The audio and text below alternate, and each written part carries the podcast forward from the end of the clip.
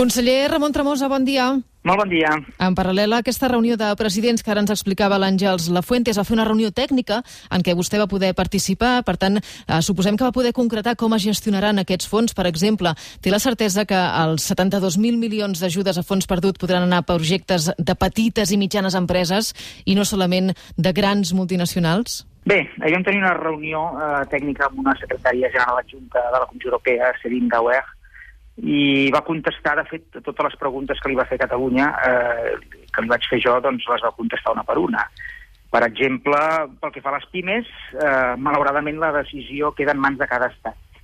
És a dir, la Comissió Europea no fixa uns percentatges i, per tant, això s'haurà de, de debatre a Madrid. No? El que passa que si tinc bones respostes, per exemple, eh, va sortir al País fa una setmana un article dient que Espanya potser no gastaria tots els diners, la Comissió Europea sí. vol que siguin 140.000 milions, també hi havia dubtes sobre si aquests diners serviran per pagar despesa corrent. La comissió va respondre'ns dient que tot ha d'anar a projectes d'inversió. També va ser molt estricta a preguntes meves sobre el control d'auditoria. Serà exhaustiu. La comissió cada sis mesos avaluarà com se gasten els diners i pot suspendre els fons i no finançarà altres obres que s'hagin fet eh, al marge dels projectes que ha definit la comissió. A més a més, a preguntes nostres també va ser molt clara la Comissió Europea dient que han d'anar canvi climàtic, digitalització, reformes, eh, que en el cas espanyol eh, hi ha pendents al corredor mediterrani, per tant, tota aquesta música sona molt bé. El que passa que també ens va dir molt clarament, i amb això acabo el meu breu resum, que eh, els diners van a la Comissió Europea, de la Comissió Europea a Madrid i que serà Madrid qui repartirà. És a dir, que per tant hem de seguir lluitant per aconseguir aquesta cogestió efectiva i la mala notícia que tenim és que no hi haurà assignació competitiva oberta i transparent. Què vol dir això? Amb, per exemple, en els fons del Horizon 2020 o en els fons de l'European Research Council, Catalunya s'emporta eh, el 4% dels fons europeus quan només cada any, quan només representa l'1,5% de la població o el PIB de la Unió Europea.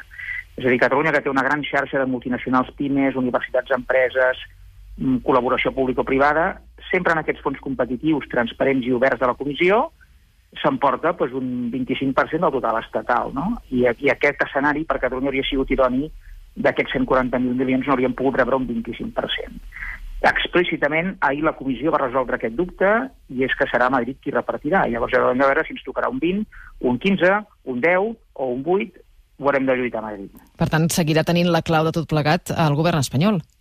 Sí, en bona part sí. És a dir, els primers quatre punts no, però en aquests dos mm. últims sí. Per tant, haurem d'anar a Madrid i no regalar els nostres vots al Congrés dels Diputats a canvi de res, sinó eh, posar lletra petita, ben escrita i defensar que Catalunya... A veure, aquesta és una gran oportunitat. És una fantàstica notícia, aquest pla de recuperació, i, i l'hem d'aprofitar bé. I, a més a més, ahir a l'hora de premsa vaig acabar una frase dient si l'estat espanyol fracassa en la gestió d'aquests fons, la crisi econòmica serà molt més dura i potser, tant de bo m'equivoqui, hauria de fer front a un rescat. I esperem no arribar en aquest escenari.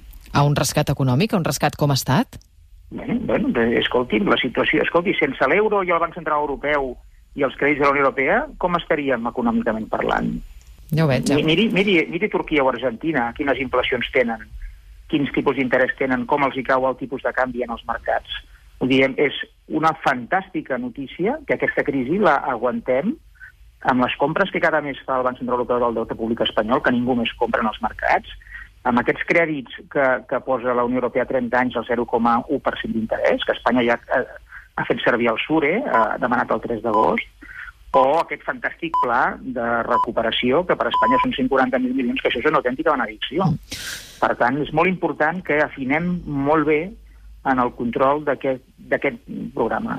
Uh, conseller, uh, estem parlant d'aquests uh, fons europeus, d'aquestes ajudes que són molt importants, però al final quan es concretaran el calendari? Pot ser que ens situï a mitjans o finals del 2021? Perquè la gent que ens estigui uh, escoltant es faci una idea de sí. quan es concretaran aquests fons. No, no, no, és a dir, la, la comissió tanca aquest concurs a l'abril i, per tant, la seva idea és ja a la primavera de l'any vinent començar a fer bestretes, perquè en lloc de donar els diners de cop aniran donant percentatges sotmesos a revisió semestral. Però clar, això és fantàstic perquè un projecte d'aquests, eh, de, de, de, per exemple, mobilitat sostenible o de xip europeu, que el Barcelona Supercomputing Center aspira a guanyar-lo, eh, són projectes molt grans que tampoc ho gastarem tot al, al, al maig del 2021. Això tenir la certesa de que això ve i que anirà venint per trams permet a les empreses crear llocs de treball i, i, i tenir la certesa que tindrà uns projectes molt interessants de, per, per executar. Per tant, és a dir, a poc a poc hi ha una lletra, però ara venen uns mesos clau per, perquè això surti bé en interès de tots. I mentre no arriben aquests diners, conseller, què fem amb tots els sectors que es veuen obligats a, a tancar i que les estan passant a magres? Quan arriben les ajudes directes per sostenir els negocis com els bars i els restaurants que ja porten molts dies tancats? Miri, eh, vam aprovar dimarts passat a govern a les ajudes, eh, aquests 40 milions sí. d'euros directes a centres d'estètica i bellesa i també a restaurants, restaurants i bars. Avui ha sortit el DOC. Ho he penjat jo fa 20 minuts a Twitter. I això què vol dir? Per tant, que demà ja poden entrar formularis. És un, hem fet un procediment fast track de 8 dies. Eh, vostè sap que el diner, diner públic fan falta molts informes d'interventors, fan falta molts expedients interns, tot això amb un temps rècord, és a dir, molt poques vegades abans, dimarts passat es una decisió, Avui s'ha publicat el DOC, demà ja es podran presentar sol·licituds. Per tant, hem treballat cap de setmana i tot per, per facilitar que aquests diners arribin el més aviat possible. I quan es podran cobrar?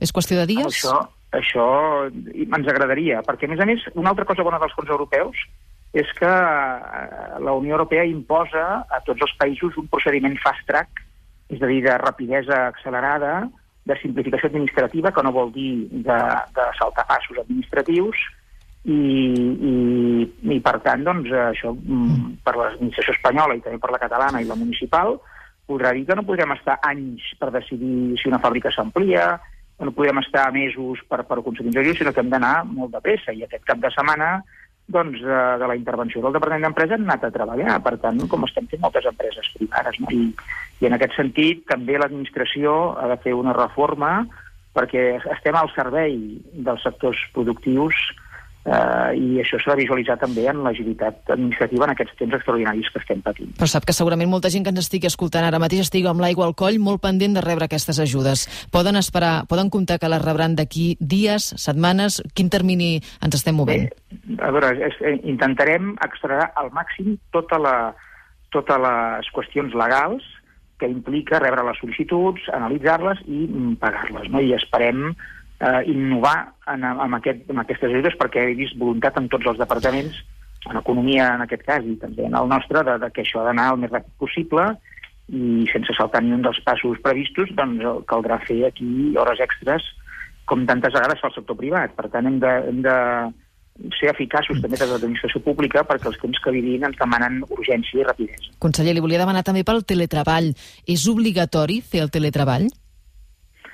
Eh, a veure, és a dir, és molt recomanable perquè tots els experts en salut ens demanen reduir la mobilitat. No? I, per exemple, a la Generalitat ja s'ha decretat amb caràcter obligatori, si no vaig errat, eh, i, i doncs, en altres àmbits potser haurem de determinar que sigui així. El que passa que no totes les feines poden fer-se des de casa. No?